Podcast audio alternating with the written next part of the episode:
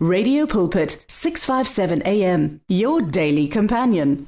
siyalotshisana namhlanje egameni likajesu kristu wasenazaretha kumlaleli weredio pulpit. Siyathokoza ukuthola ubeka indlebe nanamhlanje si. Emoyeni ulotshiswa ngumfundisi ubongani ivan wakwanduli ovela endaweni yasemachiding ibandla sikilo i-anointed gospel church. Siyathokoza khulu umlaleli ukuthi-ke sikuthole ubeka indlebe unkulunkulu akakubusise unkulunkulu akakwenzela umusa kikho konke la usilalelele khona uzimu lo usenzela umusa ngaso sonke isikhathi ukuhamba nathi imihla namalanga. Sizokuya ezwini lenkosi nanamhlanje sike esilithola encwadini yakamateyu isahluko sika-25 eh sithoma ukufunda kuverse number 1 siyogcina kuverse number 13 eh ilokanje umfanekiso ngeintombi ezilishumi ezihlakaniphileko nezizintlatla eziyiwula ngesizulu bathi ziyiwula ngesindebele sithi zinhlatla kunabahlakaniphileko kunabazinhlatla isihloko esikhulumela ngaphasi kwaso ukuthi asihlaleni silindile always be ready always njengomuntu uphila emhlabeni always be ready. Njengobantwana sibantwana bakazimu nje kufanele sihlale silindile.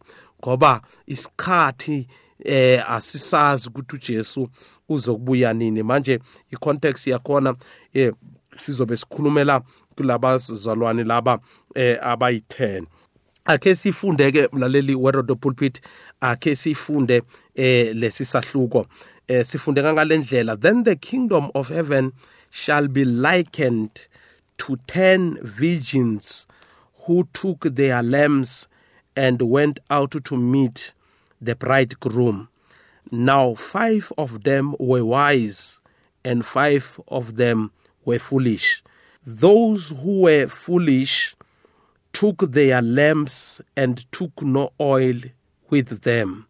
But when but the wise took uh, oil in their vessels uh, with their lamps. But while the bridegroom was delayed, they all slumbered and slept. And at midnight, a cry was heard Behold, the bridegroom is coming, go out to meet him. Then all those visions arose and trimmed their, li- their lamps. And the foolish said to the wise, Give us some oil, some of your oil, for our lamps are going out. But the wise answered, saying, No, lest there should not be enough for us and you. But go rather to the to the to, to, to those who sell buy and buy for yourselves. And while they were they went to buy, the bridegroom came, and those who were ready went in with him to the wedding, and the door was shut. Afterward, the other visions came also, saying, Lord, Lord, open to us. But he answered and said, Surely I say to you, I do not know you. Watch, therefore, for you know neither the day nor the hour in which the Son of Man is coming. manje sithola ke nasi indaba uJesu ke ayirecitako nanyana ayikhulumako ebhalwe nguMateyu la ngokubhalwa ibhalwe nguMateyu eh le ncwadi nanyana lesi story lesahluko esisifundako ngokubhalwa sibhalwe nguMateyu awusitholi to any other eh gospels but uyayithola lapha ke kuMateyu lendaba la uJesu khona akhuluma ngentombi ezilichumi now sithola ke ukuthi ke ukhuluma ukuthi umfanekiso umfanekiso lo akusiyinto eyenzakala mara yindaba uJesu ayikhulumako eh eh indaba ayikhulumako. Azama ukuthi understandise abantu ukuthi ke eh ukhuluma ngani kuhle kuhle. Manje uthi umbuso kaNkuluNkulu ufaniswa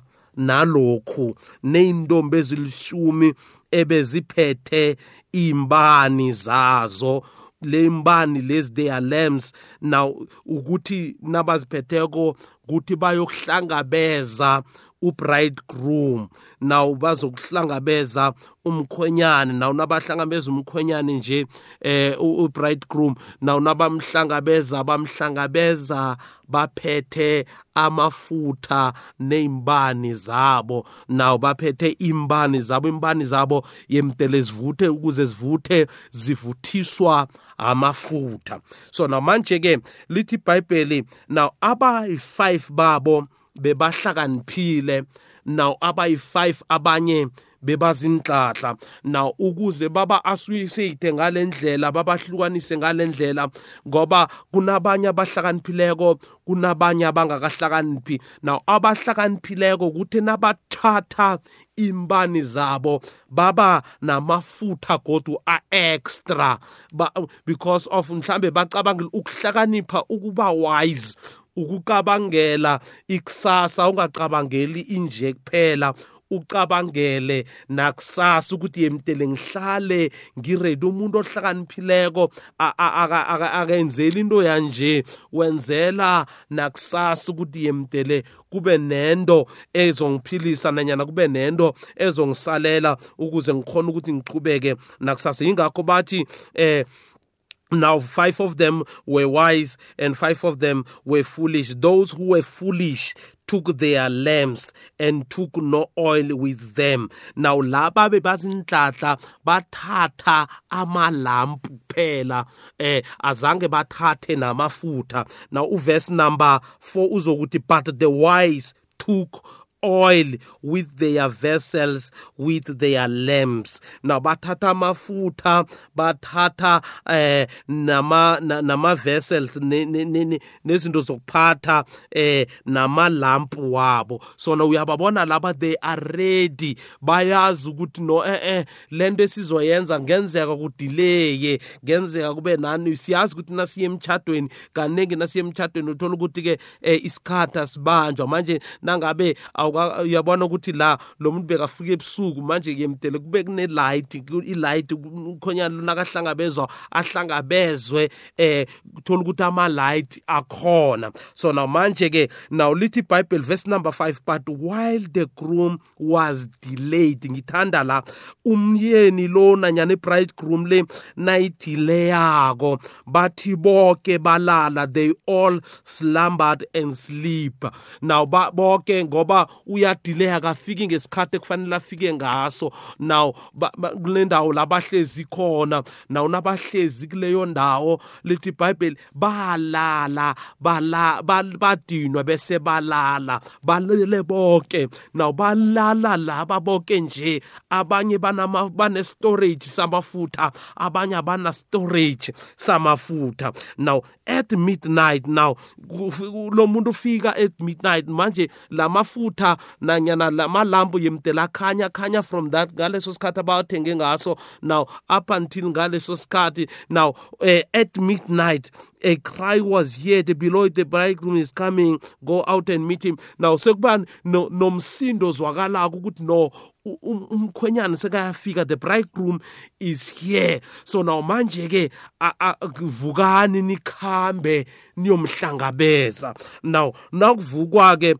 and then all those, uh, those visions arose and trimmed their lights. Now kwamamagama laba amalo kanje la ama-light labe bawacimile now sebayawakhanyisa now nabathi bayawakhanyisa and the foolish one said to, to the wise give us some oil. Now laba bazinhlahla lithi ibhayibheli babawa kulaba abahlakaniphile ukuthi ne akheni sipheni amafutha ngoba amafutha ethu akasekho. But eh, eh hayi angeke sina sikhona ukunipha amafutha eh eh ikhambani niyozithengela amafutha eh because sokuthola ukuthi siyanipha kani nathi at the end of the day angeke abe enough lamafutha for ukuthi ukuthi senze whatever ekufanele ukuthi sikwenze. So now ngithanda no verse number 10 athi while they went to buy the the bridegroom came basaphumile.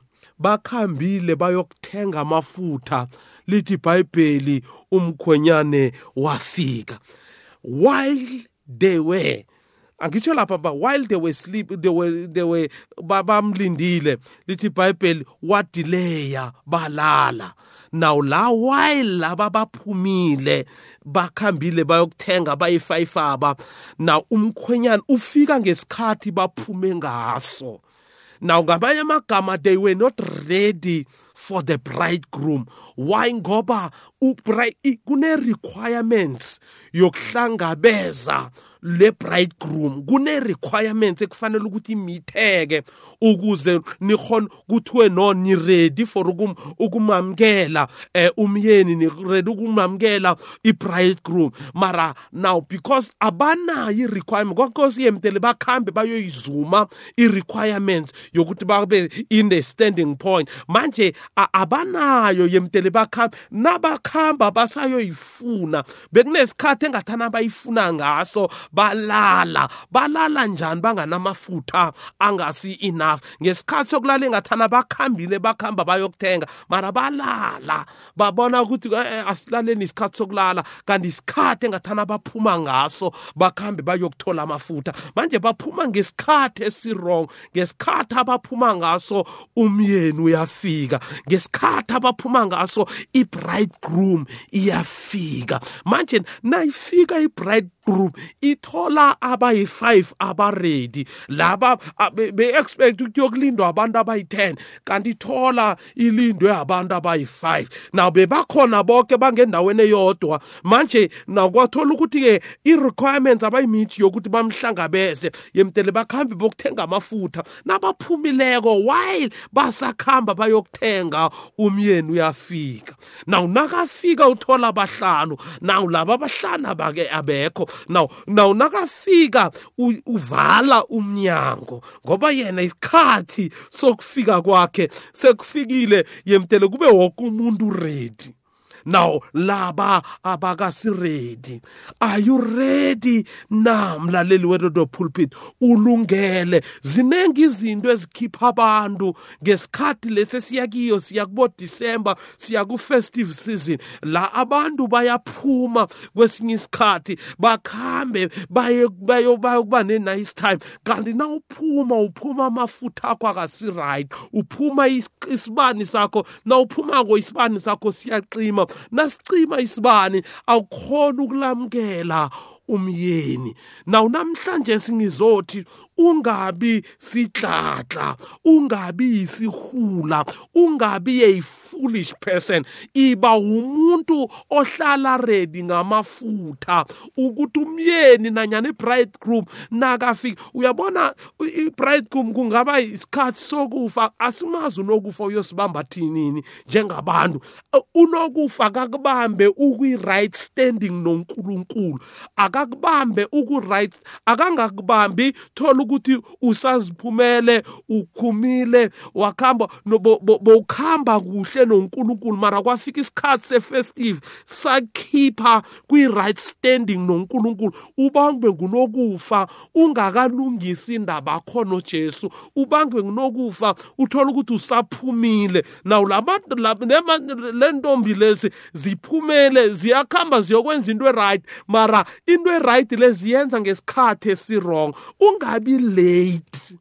Ake ngitsho lokho ungabi late for ukulungisa izinto noje uthola ukuthi ukhambile wayokwenza into eright mara ukuphuma kwakho waphuma nawubuyako uthola ukuthi sekuvaliwe lithi ibhayibheli bathi nabakokodako emnyango ujesu wathi eh mina nginazi.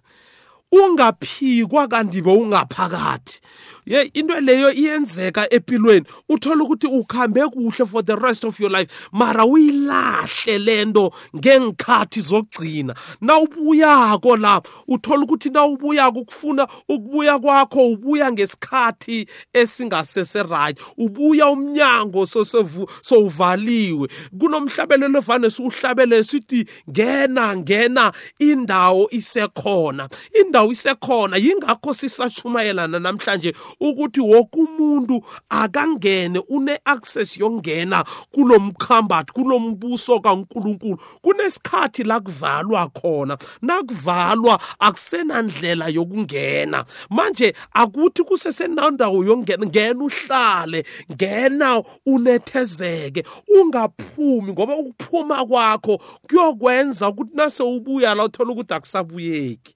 Namhlanje mlalelo weredio pulpit ungabi sidlayela. Ebukhoneni bukaNkuluNkulu. Always be ready. Always be ready for the coming of the lord.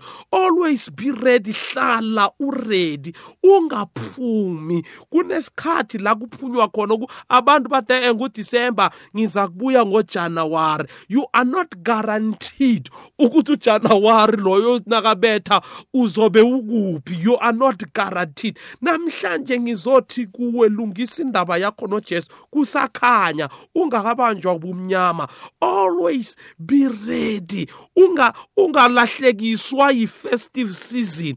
Isikhathi se-festive season sikulahlekisele i-eternity yakho ukuphelela kwakho indawo yakho in the presence of the lord. Because of amagama ethu abhaliwe but indlela esiphila ngayo uyayenza ukuthi amagama ethu asulwe. Thola ukuthi incwadi nazivula amagama ethu thola ukuthi-ke akasatholakali. Incwadi yerevelation ithi incwadi zavulwa nenye yavula kwathola ukuthi abangakatholakali kule ncwadi yokuphila. Lithi ibhayibheli balahlwa. Manje awungafinyeleli lapha ulahlwa khona kanti bowungaphakathi uthi kosi kosi eh nawuthi kosi kosi lithi kosi angikwazi. Kani bewukhona ngaphakathi bewurejistariwe. Mara ngekukhamba ngobude bendlela uthola ukuthi ke uyakhitshwa ngaphakathi kwencwadi yokuphila. Namhlanje ungabi sidlayela yenza ama-decision right azokwenza ukuthi uremaine in the kingdom of god.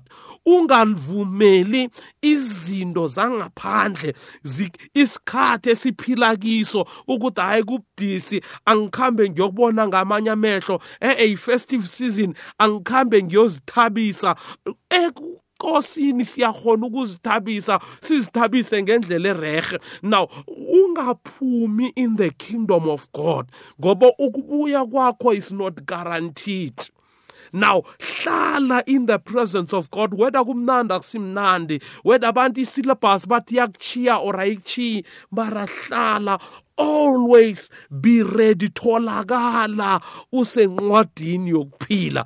Waphuma ukuphuma kwakho igaranti yokubuya. Uthola ukuthi na ubuya ubuya umnyango sowuvaliwe. Namhlanje ngithi mlaleli weredo pulpit ukukholwa kwakho makungakulahlekeli kunokuthi kukulahlekele kungezelele kwenze ukuthi kube strong ukuze at the end of the day ubalwe nabantwana bakaNkuluNkulu. Ake bese ngiyathandaza babegameni likaJesu. Nangomlaleli ngithandaza kanye naye. Baba wethu namandla onke menzela umusa nesikhathini sefestive esikiyo baba wethu namandla onke bonakalisa uthando lwakho uNkulunkulu namandla onke makangaconvinceki otherwise ukuthi aphume ngaphakathi kwalombuso aye embusweni obumnyama baba wethu namandla onke msize umphamandla Lord God Almighty wokuhlala in the kingdom, Lord God Almighty of light, in the mighty name of our Lord Jesus Christ.